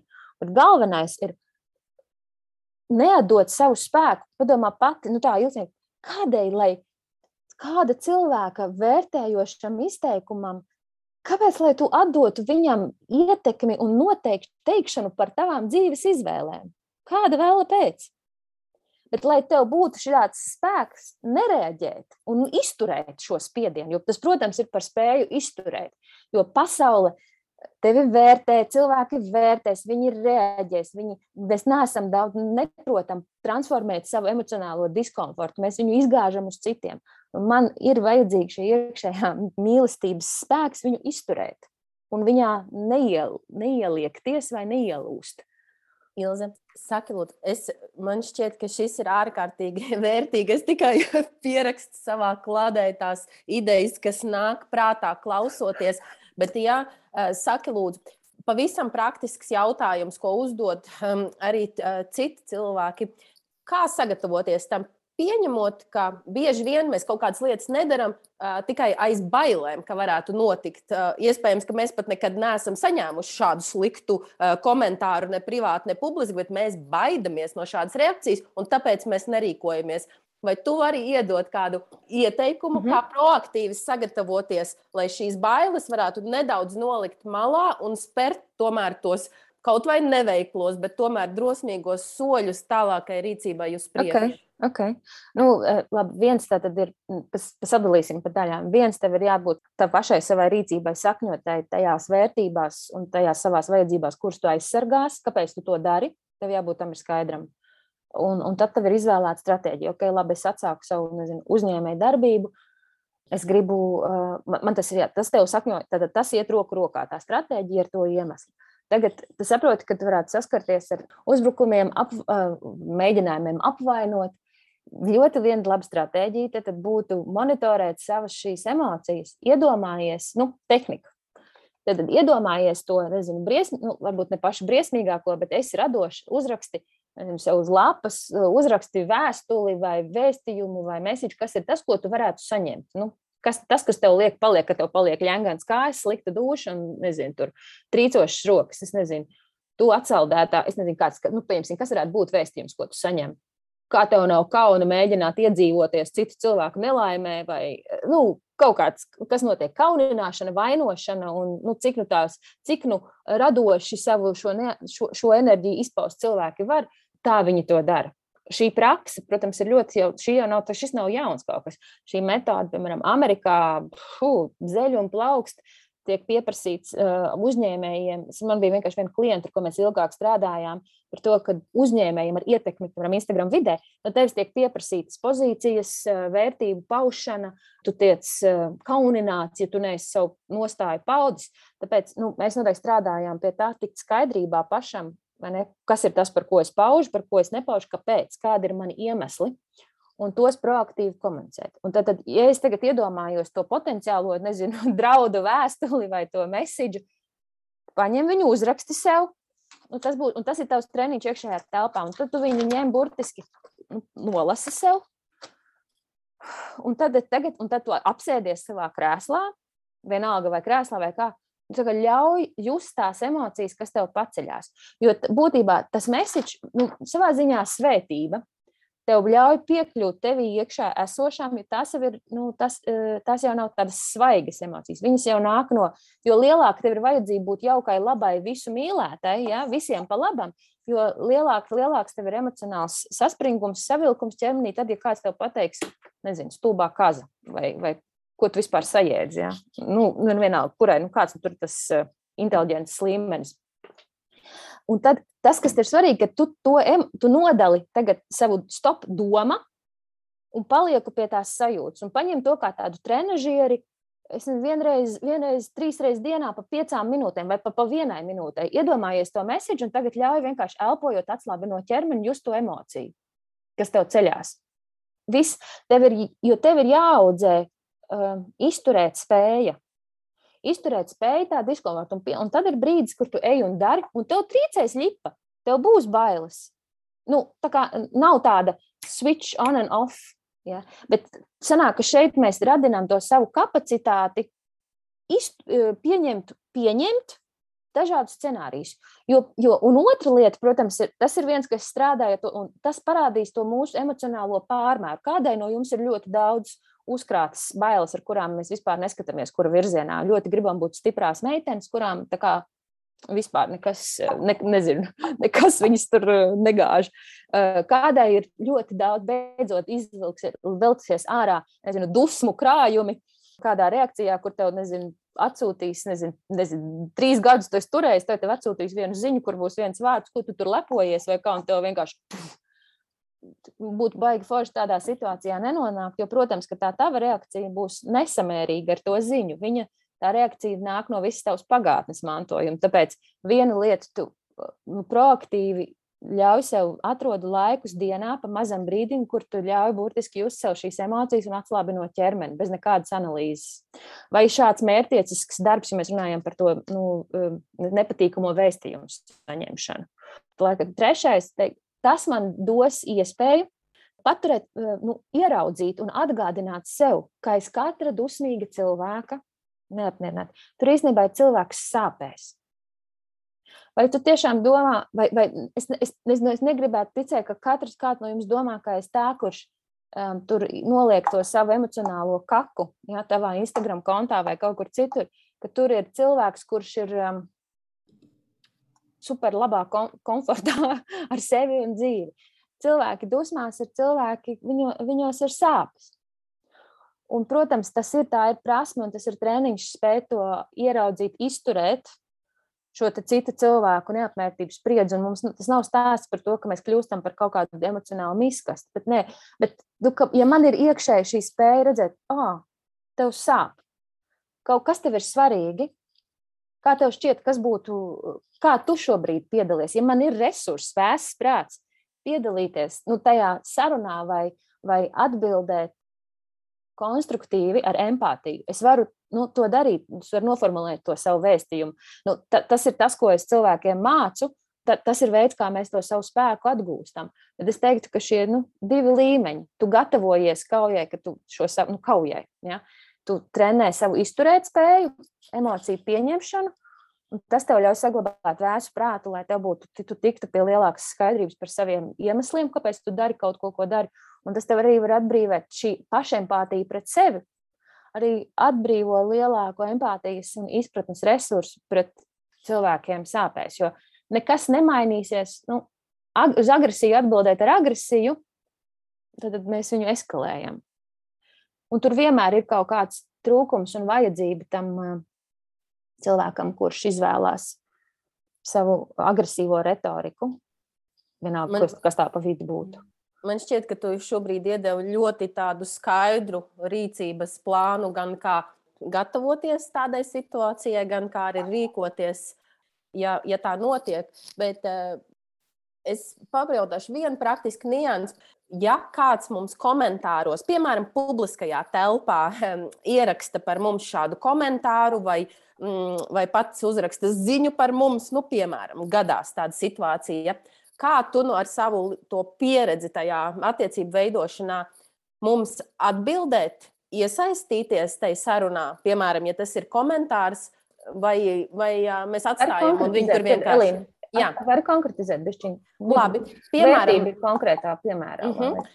mēs, mēs, piemēram, šodien saņemamies drosmi un neizliekam ārā pārdomātu tālākos savus soļus, un, un es, piemēram, izlieku uh, sava produkta piedāvājumu Instagramā, un apakšā kāds man uzraksta, kā tev nav kauna šajos laikos uh, domāt par savu biznesu, kad uh, cilvēki blakus uh, mirst. Vai uz šo komentāru atbildēt, dzēst viņu, vai kā veidot šo sarunu, kā šīs attiecības veidot, eh, pieņemot, ka mēs varam uh, distancēties un ka neesam gatavi karot jā, šajā komentāru sadaļā. Okay, bet uh, distancēties un karot, tas, tas būtu svarīgi. Tas būtu laikam, svarīgs vēstījums. Distancēties un karot ir tikai divas stratēģijas. Mm. Ja mums ir pavisam citas vēl stratēģijas, kā mēs varam rūpēties par savām vajadzībām un citu cilvēku vajadzībām. Un te būtu runa par konfliktu um, risināšanas stratēģiju. Jo savā ziņā šis ir konflikts, maziņš it kā, bet nu, uh, viņš ir vērtību konflikts, kas īstenībā nav maziņš, bet nu, tā epizode saskarsmes ir, ir, ir, varētu teikt, maza. Um, man arī, es gribu atgriezties vēlreiz uzsvērt Nu, tas, ko es noteikti nedarītu, es neliktu postu, un tagad es šodien pamodos un sāku tirgot. Es to nedarītu. Es ieguldītu vispirms augsnē, un tā augsnes kā izdarbišķiņ savu mājas darbu un sakārto savu vēstījumu tajā platformā, nu, sevi iekšā un tajās platformās, kas tev ir. Kas ir tas, kā tu, kā tu piedalies, nezinu, kā, kas ir tas, kā tu investē un piedalies ar savu enerģiju, uzmanību situācijā, kas ir apkārt, kas ir Ukrainā, kas notiek ar krievalodīgo Latvijas iedzīvotāju vidū, kāda tur ir informācijas, kāda tur ir vainas sajūtas pieaugšana, kāda ir tā, tā, tā pārmetumu vide, ko tu vari, nu, ko, kas ir tas, ko tu dari Ja? Nu, es, es nevaru šajās stundas, pusotras laikā, um, mēs nevaram pārunāt visu. Ja par to gribās konkrētāk, tad tā ir cita saruna. Bet tur noteikti ir lietas, ko tu vari darīt, un var ļoti konkrēti pateikt, šis ir mans, šis ir mans ieguldījums, šis ir mans, mana artava, ko es varu darīt un ko es pārdomāti daru. Vienlaikus man ir mana atbildība rūpēties par to, lai es nekļūstu par glābēju, un man ir, man svarīgs ir mana ilgtspēja. Nu, tad, tad tu pievērsies tām vērtībām, kas tev ir svarīgas, par kurām tev ir jārūpējas. Un tādēļ arī uh, turpināt savu uzņēmēju darbību un meklēt veidus, kā es varu ar savām prasmēm, talantiem un resursiem uh, būt vajadzīga pasaulē un parūpēties par nu, savu ilgspēju. Tas ir, tas ir tas, ko es daru. Protams, tas vēstījums viņam ir jābūt pārdomātam, konkrētākam, bet viņam kaut kur ir jābūt proaktīvi pateiktam. Lai nav tā, ka tev ir jārēģē uz katru šitādu pļaku. Un, un tad tu tālāk izvēlies, tu saproti, kāds ir tavs resurss. Es teiktu, ka izvairīšanās, ignorēšana nav laba stratēģija. Tāpēc, ka tad neviena, mēs nevairojam sapratni, mēs atsvešinamies, un neviena vajadzības īsti netiek piepildīts. Nu, varbūt īslaicīgs miers tev, bet tev visu laiku būs kaut kāda rezerves uzmanība, kas tev tā kā plūdīs tajā virzienā, kur tu mēģini neskatīties uz to, kas tev, vai nesadzirdēt to, kas pret tevi tiek vērsts. Ja tev ir vairāk uzmanības resursu un empātijas resursu, tad nu, izstrādā savu konkrētu vēstījumu, kā tu vari atbildēt uz šādām, šādiem komentāriem, bet eh, bez reaģēšanas, kur tu nesāc attaisnoties. Jo, ja man ir skaidrs, kā es īstenoju piederību, eh, nezinu, un cilvē, cilvēcei, rūpes par, par savu ģimeni, rūpes par, par, par savu ilgtspēju, rūpes par arī um, Ukrainas iedzīvotāju un šī konflikta nezinu, mazināšanas aspektiem. Man, man tas ir skaidrs. Man nav vajadzīga tāda attaisnošanās, jo tā ir tāda, tāda iekšēja skaidrība un pārliecība. Un tas nenozīmē, ka jūs nekļūdīsieties, mīļās dāmas. Mēs, tas jau ir tāds trial and error. Nu, vienmēr var, var, var, var kļūdīties. Jo, ja man, piemēram, būtu šāds pārmet, nu, pārmetošs ziņa, man ir, ja man ir laiks un resursi, tad, kad man viņš ir saka, es saprotu, ne, ka šī situācija ir skarba un smaga mums visiem. Viņai daudz nedrošības, baiļu, dusmu. Un uh, es um, saprotu, ka tev ir svarīgi ieguldīties, um, nu, sniegt ieguldījumu Ukraiņas situācijā. Es pat esmu sapratusi, ka mans resurs ir šāds. Tas ir tas, ko es daru. Un vienlaikus, lai es nekļūtu par um, upuri, un ne, upuri un bezspēcīgu, un nezinu, vispār nepaliktu bez uztura, man ir jāatrod veids, kā es varu arī turpināt savu uzņēmēju darbību. Es būtu pateicīga, ja tev ir kādi ierosinājumi, kā vēl savādāk, kādas citas stratēģijas. Varbūt mēs varam viens otram palīdzēt. Vai tu redzi, kas par enerģiju? Es nāku ar iekšēju spēku un ar ritīgu arī interesi ieraudzīt to cilvēku aiz tā vēstījuma, kur viņš ir nolicis to savu emocionālo kaku manā uh, platformā. Tad es atgriežos, es varu atgriezt viņu atkal pie dialoga. Tas nenozīmē, ka uzreiz būs nadziņa ievilkta balta pūkaņa, jo tur jau ir daudz ko izlādēt. Tad cilvēkiem, cilvēki sagaida savā ziņā uz tādu uzbrukumu, nu, tā būs reakcija un varēs izlādēt to spriedzi. At te es viņam saku, nē, es tev nedošu boxa maisu, es izelpošu, es palikšu ar tevi, un es gribu tevi ieraudzīt un sadzirdēt to tavu sāpju un redzēt, kā mēs varam viens otram palīdzēt, un kā mēs varam ne tikai viens otram, bet kā mēs varam labāk palīdzēt būt labāka, jaudīgāka starptautiskā sabiedrība, kas atbalsta un kas ietekmē šī konflikta transformēšanos. Tas ir, kas man, man interesē, kā es varu pāriet uz sadarbības stratēģiju, nevis izvairīšanās vai, vai uzbrukšanas. Paldies! Šis man šķiet ļoti vērtīgi, pilnīgi pēc, pēc soļiem, kā rīkoties tiem, kuriem tiem, kuriem ir nepieciešama, nepieciešama šīs idejas. Diana, saka, lūdzu, vai no, no tā, ko tu sako līdzi čatā, vai ir kaut kāda varbūt pēdējām 20 minūtēm konkrēti jautājumi, ko Ilze varētu no savas skatu punkta atbildēt? Mm -hmm. nu, īstenībā tā lielākā sāpju tēma bija par šo, kā tikt galā ar to komentāru, kas nāk mūsu virzienā, un kas ir, protams, arī interesanti, ka tie jau ir pāris. Jo es esmu arī manījusi tajā brīdī, kad uh, meitenes pasaka, ka, lūk, es šodien saņēmu šādu komentāru. Viņas saņem ļoti daudz atbalsta vēstuļu. Tas nozīmē, ka principā tā proporcija īstenībā ļoti maza no, no tiem, kas šo negatīvismu izliek. Bet es domāju, ka Ilza ļoti labi arī atbildēja šobrīd, kā ar to tikt galā. Manuprāt, tas ir tagad ir diezgan skaidrs. Bet to, ko es arī parasti redzu vienmēr zīmola jautājumos, mēs sakārtojam stratēģiju, ok, labi, sapratu, bet kā tagad reāli es, kā tagad es varu par to pastāstīt? Tad kā, kā tajā komunikācijas lietā jau pāriet praktiski? Jo vēl kas arī, ko es arī gribēju Ilzi jautāt, es pieļauju, ka tāpat nu, krīzē ir kaut, kādas, kaut kādi posmi. Mēs esam reāli pirmajā nedēļā. Viss ir vienkārši nokaitēts nenormāli. Pēc nedēļas, divām, trim jau būs cita aina, vai ir kaut kādas lietas, ko mēs jau varam paredzēt. Nezinu, cilvēks nogurs, padosies, atslābs. Kas, ko mēs varam sagaidīt nākamnedēļ? Zinām, tā, Zabulieši, man liekas, būs nu, tā viena lieta, kas notiks atkarībā. Tas, ko mēs redzēsim, ka iespējams mums būs jāizstiep gumija. Mēs īstenībā nevaram zināt, cik ilgi mums tas resurss, ilgspēja, nu, cik ilgi mums ilgspēja būs vajadzīga. Tā krīze, protams, ir um, jautājums būs tā, kādu, ko mēs zaudēsim. Ko mēs, kā, kas būs mūsu zaudējumi, kā viņi krāsies un kāda veidosies kritiskā, nu, cik liela tā zaudējuma masa. Un te es domāju, nu, es nezinu, zaudētais miegs, zaudētie nervi, zaudētā, zaudētais ieņēmums, zaudētās attiecības. Un tie zaudējumi, tad, tad nāk līdz kopā ar tādu nu, pirmā brīža jā, ir reaģēšana, ir šoks, eh, kā nu kuram viņš izpaužās, cits vispār nolien un grib noliegt, ka tas notiek, cits tur, eh, cit, citam ir eh, druģaina rīcība, citam ir vienkārši emocionāla izlāde. Tad ir kaut kāds, jā, nu vai šī šoka un nolieguma un straujās reaģēšanas fāze, dusmu fāze, dusmošanās, tad mums ir kaut kādā brīdī, nu tā kā nomāktība un bezspēks, kas iestājās. Tad, ir, tad pamazām mēs sākam, mēs sākam tirgoties iekšēji ar sevi un ar pasauli. Un tad mēs sākam nākt pie tādas nu, pieņemšanas. Un es nedomāju, un es, ja es lietotu vārdu samierināšanos, nevis samierināšanos, nu, ko tad es varu darīt un rokas klēpī ielikts, nē, bet nu, pieņemt to realitāti. Pieņemt to realitāti, kad man neparedzamos, mainīgos, nedrošos, nērtos apstākļos būs jāapvarē un jāadaptējās ilgstoši.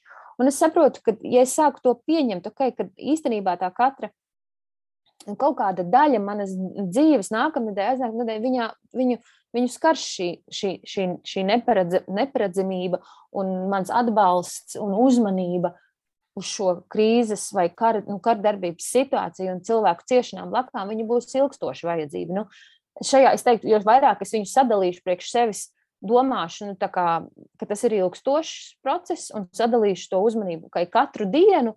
Nu, ar fokusu uz vienu, uz vienu dienu, okay, kas ir mans resurs šajā dienā, un kas ir mans resurs nu, šīs nedēļas laikā, ko es sadalu. Tad mēs varam kā, sākt iet uz priekšu. Mēs nevaram paredzēt, tur jau tas atslēgas vārds. Mēs ļoti gribam paredzēt, bet neparedzamība ir viena no pazīmēm. Tā kā izelpot un pieņemt neparedzamību, viņa ir jāieskauj. Nu, tā, kā, tā ir tā realitātes viena, viena daļa. Bet ir kaut kādas lietas, ko es varu paredzēt. Nu, tad, tad uh, varu paredzēt nezinu, savu, savu vajadzību grozu, kā, kurā brīdī kāds ir, kāds ir mani finanšu pieejamie uh, resursi, cik ilgi es varu kaut ko pauzēt, uh, kur ir mana buferzona, vai man viņa ir ļoti maza un man ir aktīvi jāmeklē cits veids, kā kaut kādu nu, vispār iz, dzīvi, izdzīvošanu atrast ja mēs runājam par, domāju, par tādu publisko telpu, tad noteikti cilvēki svārstīsies starp bezspēcību, un nepieņemšanu, un dusmām un nogurumu.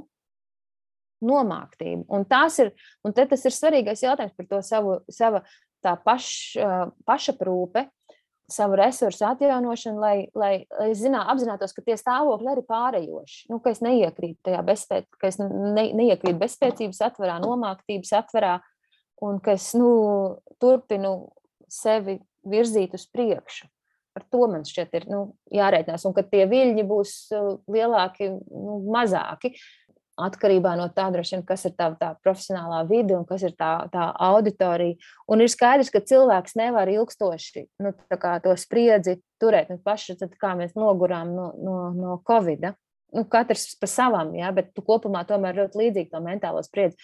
Tev ir jābūt tiem atslodzes brīžiem. Savādāk, nu, savādāk būs atvers un, un, un glābējs zvans un glābšanas programma, bet to resursu jau šobrīd tam nav tik daudz. Un būtu svarīgi, ka mēs nekļūstam līdzatkarīgi no tās, um, nu, krīzes apdraudējumiem.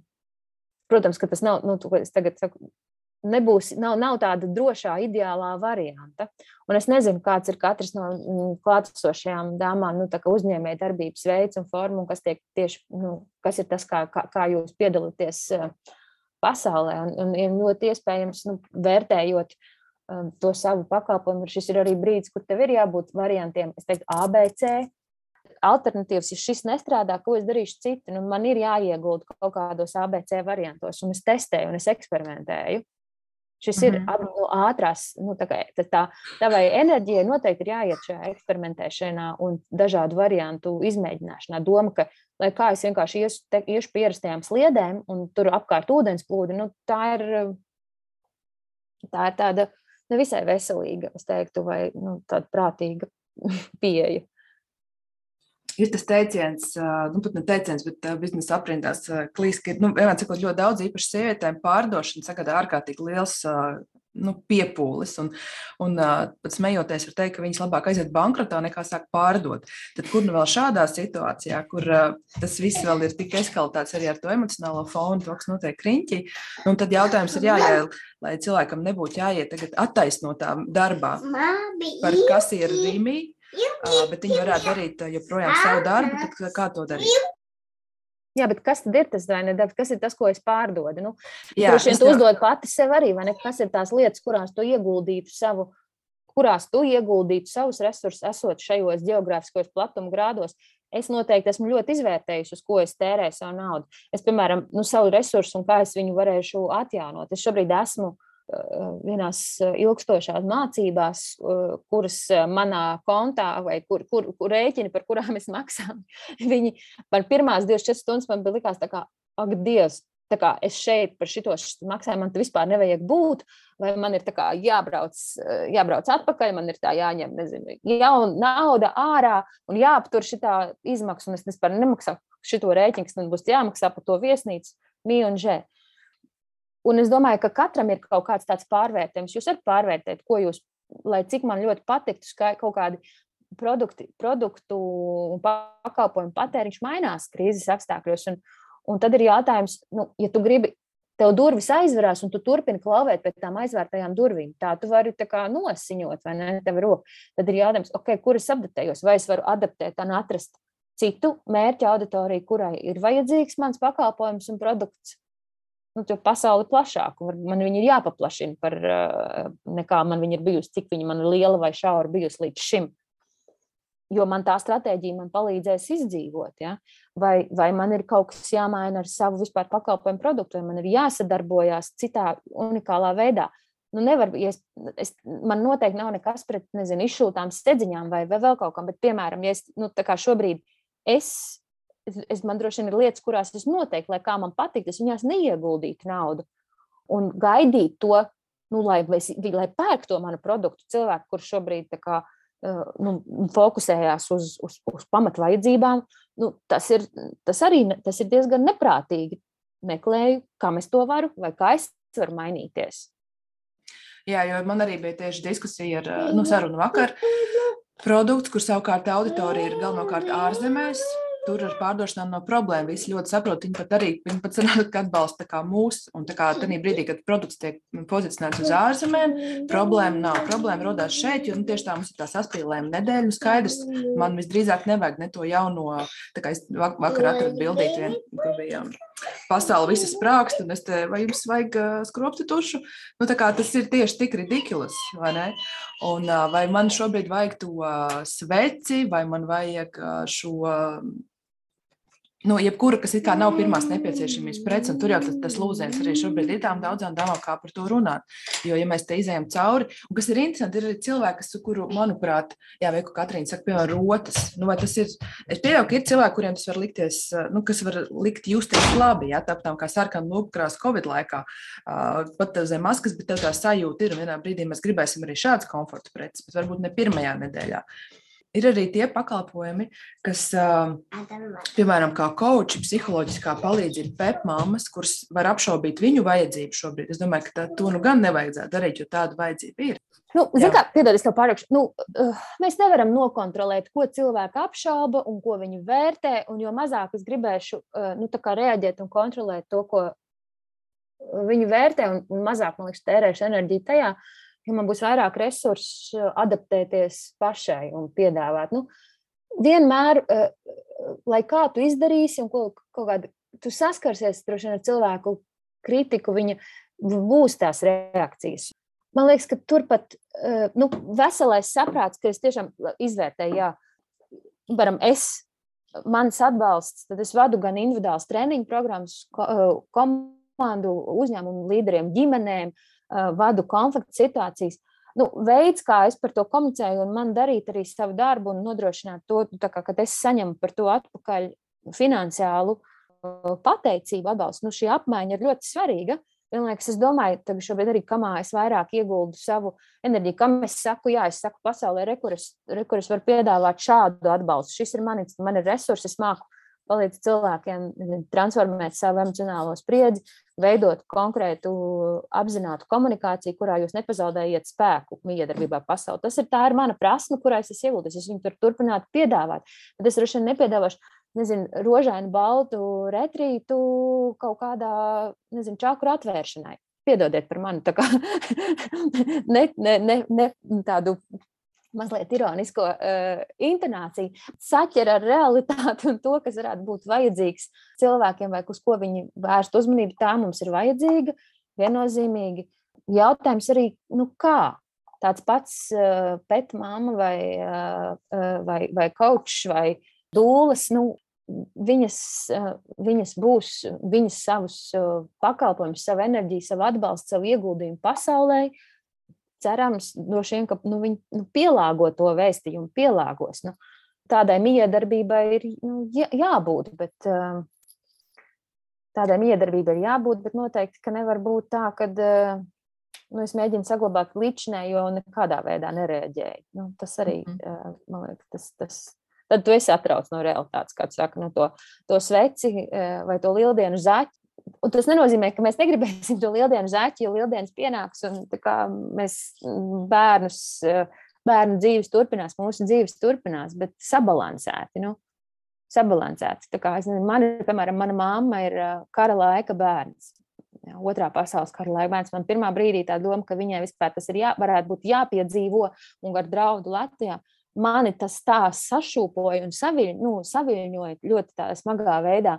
Un tad eh, es saprotu, nu, kā, ka runāt, un es atceros viņas stāstus no bērnības. Nu, tā dzīve jau, nu, viņa smaga, bet viņa turpinās. Tu tāpatās to, to kārumu un to, to iepriecinājumu nu, meklēju kādās situācijās, un cilvēki nebeidz mīlēt, un cilvēki nebeidz, es nezinu, nebeidz ēst, cilvēki nebeidz svinēt kaut ko bišķiņam, bet kaut kādas adap adaptācija tam nepieciešama, lai mēs neliktos tā, ka tu turpini pārdot savus sveces, un tu saki, nē, es neskatos uz negatīvo, es tikai tirgoju savas sveces, lai cilvēkiem gaismu un mīlestību. Nu, varbūt tas ir bišķiņi, nu tā, bišķiņi par daudz atrauti no, no realitātes.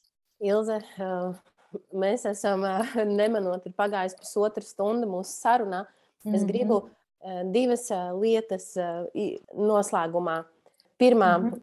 ja kāds no tā, ko viņš dzird, ko tu saki, ko tu dari un ko tu nodarbojies. Un tas ir nepieciešams viņa ģimenei, uzņēmumai vai kopienai, kur ir labākais veids, kur cilvēki var meklēt tavus pakalpojumus, tavas mācības, tā, mm. ko tu vari dot, kur cilvēkiem tevi meklēt, jā, profesionālajā okay. jomā. Tad mani var gan LinkedIn, gan Facebook, gan Instagram. Es noteikti varētu ieguldīt to, man nepietiek laika ieguldīt ļoti daudz Instagram vidē, bet tas, ko tad, tad divi atbildēšu sekojoši. Jūs vēlaties reāli konsult, konsultāciju, praktisku atbalstu, saprast īstenībā, kas būtu liederīgākais, tad, tad bieži vien tas sākums ir tāds, mēs, mums ir tā ir individuāla vajadzība novērtēšana, konsultācija, tad tas ir tas saprotam, vai tur ir vairāk krīzes, intervences, konflikts situācija vai prasmju, prasmju stiprināšana tad tās man ir piedāvāju individuālas treniņu programmas, kurās mēs, viņas ir ļoti pielāgotas konkrētā cilvēka vajadzībām vai komandas vajadzībām. Un tad ir, tad, protams, ir arī tādi mācību klātienes un, un, un online kursi vai, vai darbnīcas, kurās arī var piedalīties. Bet šobrīd nu, mana pieredze rāda, nu, teksim, es arī daudz labprātāk strādāju, individuālu, pielāgotu, efektīvu, mērķiecīgu resursu. Tā kā var rakstīt, tātad Ilza Dzenovska, Ilza.Dzenovska at peacelab.eu. Var rakstīt man Instagramā, at Ilze Dzen, nu, izziņā tad, ar lūgumu uzrunāt, kas, kas ir tā pa vajadzību sāpa. Mēs vienosimies par veidu, kā mēs varam, kā mēs varam atbalstīt vai sadarboties. Tad mēs varam Facebookā, jūs varat mani atrast gan Ilza Dzenovska, varat atrast manu profesionālo lapu Ilza Dzenovska Conflict Resolution, jebkur tur uzrakstot, es to ziņu saņemšu. Es šēroju savas lietas, ko es daru proaktīvi savā gan Facebook, gan tajā profesionālajā kontā. Mājaslapā, KeySlab.eu. Es došu vārdu Dienai noslēgumam, bet es gribu izmantot iespēju pateikt tev liels, liels paldies. Ne tikai par tavu laiku šodien, bet par to darbu, ko tu dari. Ārkārtīgi vērtīgi ceļot to kopējo zināšanu, izpratni, to komunikācijas un to uh, jušanas un empātijas līmenī, ne tikai Latvijā, bet arī starptautiskā līmenī. Tā kā liels paldies tev, ka tu atradi laiku, lai šodien būtu kopā šeit un mūs stiprinātu tajā ceļā, lai iet uz priekšu. Paldies tev liels! Jā, paldies, Ilis, tiešām! Paldies, ka ir vajadzība un interese pēc tā. Mums visām ir, jo spēcīgāks mēs būsim, iekšēji mierīgāks un atbalstošāks vienotrai, jo lielāks labums un dzīve ilge jaudīgāka kopīgai sabiedrībai. Un noteikti sekojot, es, es gan Instagram, gan Facebook lieku, likšu, lieku ziņas un turpināšu likt par to, kā mēs varam piedalīties mērķiecīgi savādāk šajās vardarbības mazināšanā un konflikta transformācijā, ne tikai ziedojot naudu, Un tas ļoti daudz ir par to mūsu apzināto iekšējo un ārējo komunikāciju un uzrunu tiem cilvēkiem, kas mums līdzās. Un šajā gadījumā šobrīd noteikti būtu ļoti svarīgi saprast um, to, kāda ir tā mūsu komunikācija ar Latvijā esošajiem krievalodīgajiem um, un arī ārpus Latvijas, un kā mēs varam cieņpilni uzrunāt, iespēkot, izprast. Jo tā informācijas, um, tas, kādas ir emocijas, ko es nolasu un, un ko es dzirdu no cilvēkiem Krievijā, Un arī Latvijā nu, tās reakcijas uz, piemēram, tagad pilns Instagrams, ne, bet viss, ko kur ir šī bilde, uh, ruski vai, vai, vai, vai karabļi, ja, IGN, ja. Un ir cilvēki lepojās ar to, ka to visu kaut kur uzliek. Un tā.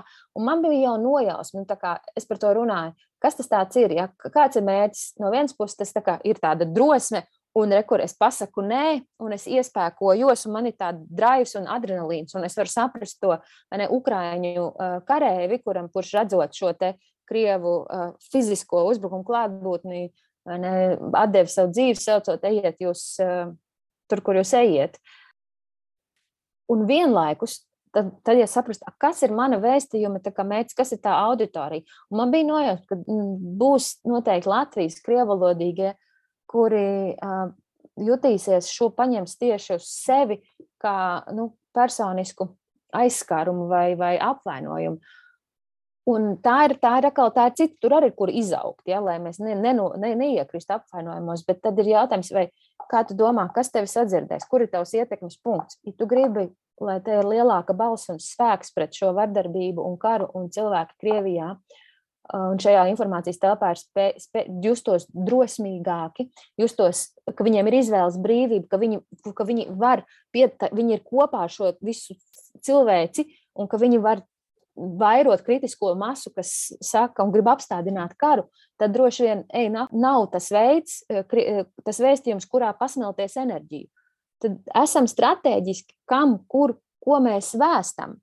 Un, ja man ir vajadzīga izlāde un padējot ar fakučiem, ja, tad es to izdaru um, drošā vidē, vai arī kompānijā, kurā mums vienai otru vajag iespēkot, bet tad ārā uz pasauli eju ar citu vēstījumu, ja es gribu uzrunāt neksim, kaut kādu auditoriju sadarbību. Liekas, tas ir super svarīgi. Tā, viss. tas no manis viss. Paldies, Ilz. Mēs jau paliksim šeit uh, zūmā, tad droši dodies savās gaitās. Jā, laimīgi uz tikšanos. Jā, jo mēs uh, vēl tie, kas, kuriem vēl ir laiks un, un iespēja, jūs droši vēl palieciet. Mēs vēl mazliet parunāsim jā, arī par Elīnas pieredzi un par komunikāciju. Es saprotu, ka ir kaut kādas lietas, kas joprojām ir ne, nu, neatbildētas tādā ziņā, ka kā es to varu personīgi uz sevi paņemt. Un, protams, ja man ir produkts, kas ir izklaides industrijā, vai tas pašas sveces vai rotas, nu, tieši cik relevanti. Manas tādas augstsnīgās aplēses ir, ka tas nu, pēc nedēļas divām mums būs atkal jau cits fons, no, ar, ar noteikumu, ka Ukrainā arī tas paliek mierīgāk un viss izsmel savus spēkus arī tur restīvi, spēkus destruktīvos. Un, un mēs varēsim viņu atgriezties jau nu, ne, ne gluži normālās sliedēs, bet teiksim, tā, tā rotu reklāma vai izklaides reklāma jau nebūs galīgi out of place. Bet nu, tāpat tas, ko, kas manuprāt ir ļoti, ļoti vērtīgi no šīs sarunas, ir par tām iekšējām vērtībām. Jo man arī personīgi, es vakar uh, sajūtu tādu spēku sevi, jo man arī bija tā, es tagad sākšu šādu diskusiju, ko par mani teiks, vai kāds kaut ko tur ie, ie, ieknābās. Un es saprotu, nē, es, es šīm stāvu pāri, man ir būtiski šobrīd atbalstīt vietējo Latvijas biznesu, es par to runāšu. Un, ja kādam ar to ir problēma, tad mēs varam par to parunāt, vai nu tad es no tā distancējos, bet tas kodols manī ir. Un tad, kad tev arī ir skaidrs, kādas ir tavas vērtības, kāpēc tu dari, tev ir daudz vieglāk ar šo tikt galā. Tas, ko Ilze arī teica. Otra lieta, ja mēs par komunikāciju runājam, tad, manuprāt, jāsaprot, ka tu vari darīt to, ko vislabāk tu vari izdarīt savas nozares ietvaros. Uh, es redzu cilvēkus, kas ir pilnīgi paralizēti, ir tikai Ukraiņas ziņas, ir cilvēki, kas vispār neko nesaka, un tad ir tādi, kas ir, man liekas, tādi labi miksi starp to, kas joprojām ir tavs uh, fokus, un starp to, kas, ir tā, tā pārliecība. Bet šobrīd noteikti, ja jums ir palaistas reklāmas vai kaut ko jūs plānojat runāt, stāstīt, nu, pielāgojiet to savu mēsīju. Šobrīd visi ir ļoti jutīgi. Un te pat nav runa par to, ka jūs dabūsiet kādu komentāru. Ar to jūs šodien tikko noklausījāties diezgan garu, kā to tikt galā. Te ir vairāk runa par kaut kādu empātiju un pielāgošanos situācijai. Un kas ir tas, ko tu vislabākais no savas situācijas šobrīd vari, nu, vari iedot sabiedrībai riņķī? Un, nu, un nevajag izteikt arī spried, spriedumus, nu, es varu, tu nevari. Kāpēc kočs var šobrīd atbalstīt, bet es ar savu sveci nevaru? Jo varbūt tā sveci cilvēkam var iedot miera sajūtu. Vai viņam tie smaržu kociņi mājās ir šobrīd tieši vajadzīgi, vai viņam vajag uz to pirti aiziet uz to, vai uz skicēšanas pasākumu, ja tas tas kā var atslēgt prātu. Un visas šīs lietas ir vajadzīgas. Jautājums tikai, kā mēs viņu noformulēsim un kā mēs to pateiksim cilvēkiem. Es domāju, ka viens no veidiem, kas šobrīd, teiksim, šonadēļ, iespējams, ir lietas, ko jūs varat vienkārši nu, nereklamēt. Nu, nav, nav šobrīd īstais laiks, nākamdēļ jau būs labāk. Vai arī, ja to darat, tad uh, izmantojiet savus nu, iekšējos, tuvos uh, resursus, tā, savus lokus, grupas, piemēram, sieviešu grupa.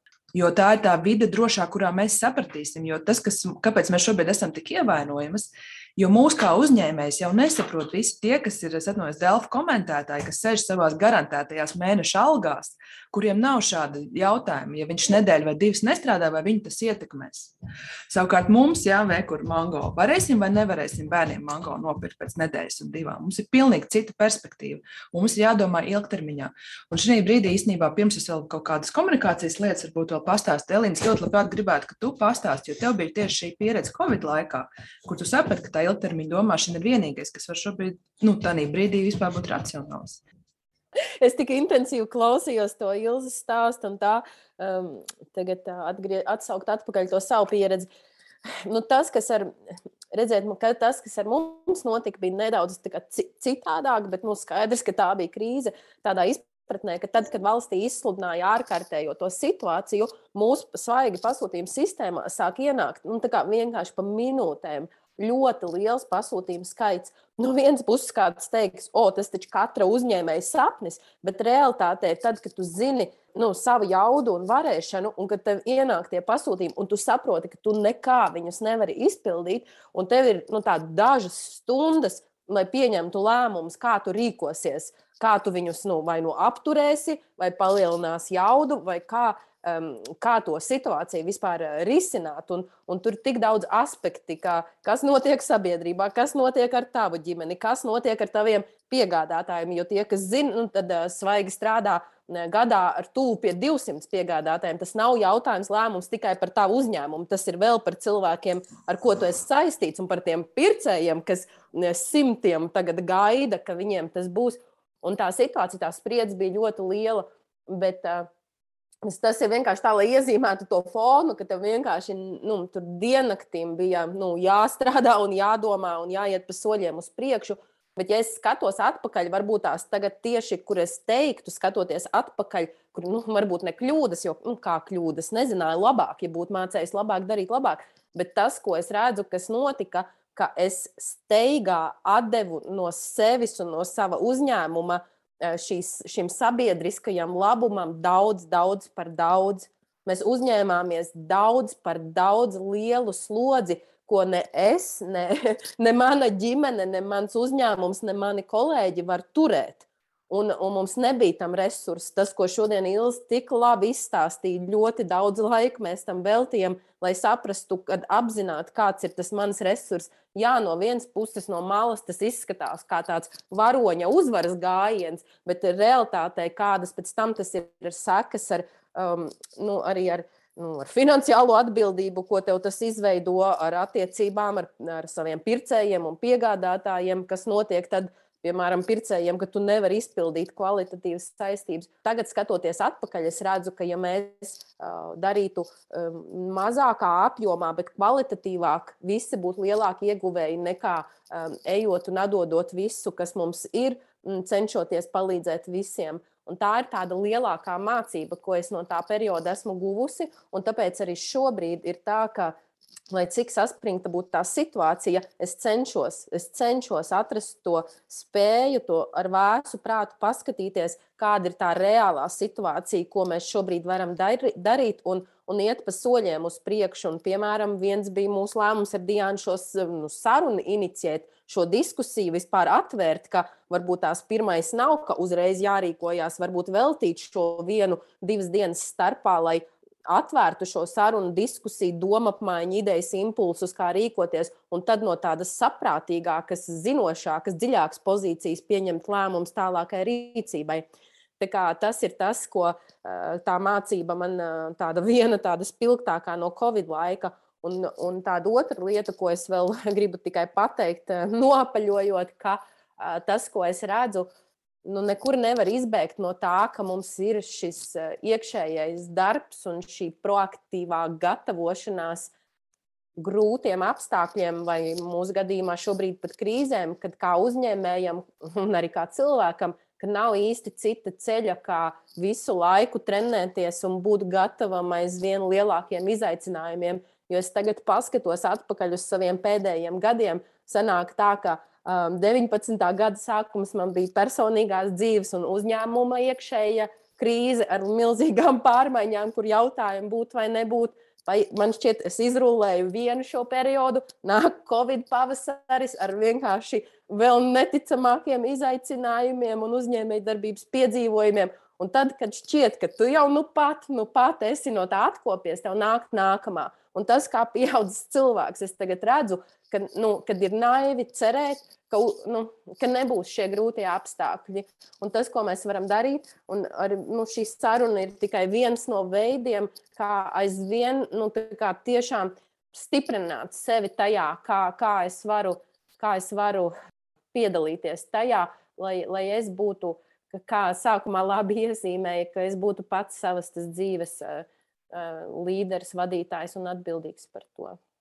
Es vēl noslēgumā pateikšu, ka, ja kāds no šīs sarunas jūt un dzird, ka šķiet, ka vajadzētu parunāt ar, nu, ar, ar mani, no Diāna, jūs varbūt pat labāk jau zinat, ja, bet jums šķiet, ka vajag ar mani parunāt vai vēl kaut ko, jūs droši arī dodat ziņu. Iespējams, ka tas arī ir veids, kā skatīties, kā kaut kāda miedarbības sarunas vai uh, sadarbības šobrīd ir iespējams. Ja mēs nezinām, kas no tā var atklāties. Tā es iedrošinu, jo kāds jūt, ka ir nepieciešams vai ir kaut kādas domas vai idejas, droši dodiet ziņu. Es ļoti viegli um, tieši sociālos tīklos arī esmu uh, aizsniedzama. Jā, es arī par to komunikācijas pusi domāju. Jo ar Covid jā, bija tā, ka mums arī bija pirmās divas nedēļas, nu bija tā, viss grīķi beigsies, tos papīrs beigsies, viss slikti. Tad mēs sapratām, ka nē, tomēr ir ok, plūsma turpinās. Un tad bija tieši otrādi, ka mēs pat aģitējām, ej, pērc, atbalsta vietējo. Un šobrīd tas ir pavērsies otrādi, ja tādā daudz kaunpilnākā kā veidā, jo katru redz atļaujies kaut ko tādu darīt. Tātad pirmais, jau, ko mēs vienojamies, ka mēs nereaģējam uz visiem komentāriem. Nu, tā kā restīvi, mēs reaģējam no savas spēka, spēka pozīcijas, no tā, ka mēs uzņemamies atbildību paši par sevi, nevis par citu emocionālo izlādi. Mēs pielāgojam ziņu, kādā veidā mēs pastāstām, plus mēs to darām savas nozares ietvaros, kā mēs katrs personīgi varam vislabāk tieši šobrīd to pavērst, pastāstīt. Ja var paņemt vēl nu, mazliet pauzi varbūt nav šonadēļ īstais laiks palaist jaunus produktus, piemēram, jaunas meistarklases, savukārt par retrītiem, par čakrām. Bet ir cilvēki, kuriem to kā reiz tieši vajag. Tā kā es arī es nevienu nozari vispār uh, nenosodu un neizslēdzu. Uh, nu, izņemot, varbūt tas gadījums, uh, par ko mēs runājām, kur bija to, tā torte ar tanku virsū. Nu, varbūt šis nav īstais mesiķis, ko šobrīd likt Instagramā. Ja? Bet visādi citādi, es domāju, ka mē, mūsu ikvienas biznesam ir vieta un jēga šobrīd būt. Uh, bet ir pirmā nedēļa, atcerēsimies, ir pats trakākais vispār, kas, varētu, kas, kas ir. Un es domāju, ka cilvēki sāks gribēt arī normālu saturu, kaut kādu cerību, gaismu tajā visā, kas te notiek, jo tieši tā es nu, kā jebkurš no mums esam ierauti tajās ziņās, un tik nāk un nāk, un tieši mēs jau nespējam vairs to sagramot. Līdz ar to tā pastaiga un atslēgšanās būtu ļoti, ļoti vērtīga ikvienam. Man, man kļuva skaidrs, ka tā, ka tā nostāja ir jāpauž, un savējie sapratīs tie, kas iet, tie lai iet. Ar to mums vispār nav uh, jādīlo. Es domāju, ka mēs esam nostrādājuši gandrīz divas stundas, un ka, tā, eh, ka ir ļoti, ļoti daudz informācijas, ko apdomāt. Un eh, mēs ar eh, Diānu iepriekš arī pārunājām, ka, ja būs nepieciešams šāda veida kopā sanākšanu, un kaut kādu tālāku jautājumu, tā kā šķetināšanu vai kādu atsevišķu jautājumu, tādu padziļinātu izzināšanu, ka mēs esam gatavi nākt kopā un turpināt to sarunu, ka šis varētu būt tikai tāds kopienas sarunas iesākums, un varbūt tas arī ir viens no tiem ceļiem, kā arī Ilze iezīmēja, kā mēs varam iet, neslēpties, ka mēs nezinām, kā uzņēmumu, kā rīkoties. Neslēpties no tā, ka kā es esmu šajā situācijā pirmo reizi savā dzīvē. Es arī esmu ievainojams tikpat kā visi tie, kas ir apkārt. Un es no sirds gribu dot labāko, bet es vēl nezinu, kā tas ir. Un es vienmēr esmu domājis, ka uzņēmējiem nu, nav kauna nezināt. Un tas, kas mūsu darbs ir, ir kopā meklēt šos ceļus, nu, kā darīt to labāko, kā pievienot savu vērtību, kā identificēt savu lomu. Jo bieži vien ir tā, ka no uzņēmuma vadītājiem, it sevišķi tiem, kuriem ir arī darbinieki, nu, sagaida, ka uzņēmuma vadītājs uzreiz zinās atbildi, kā rīkoties. Es ar to saskāros arī Covid laikā, kad darbinieki nāca pie manis ar saviem jautājumiem, ar savām problēmām, un es viņiem godīgi teicu, es pirmo reizi savā dzīvē esmu šādā situācijā tāpat kā tu. Ja tu zini labāk, ja tev ir idejas, dalies, bet ne, nu, nenāc no manis pieprasīt to, ko es nespēju dot. Un, un tas ir tas, ko, ko mēs kā kopiena šeit, um, šeit varam darīt, ka mēs varam atklāt runāt par tiem izaicinājumiem un kopā meklēt ceļus, jo, jo mēs jau visi esam vienā laivā. Tā kā paldies jums visiem šodien, ka piedalījāties un bijāt klāt.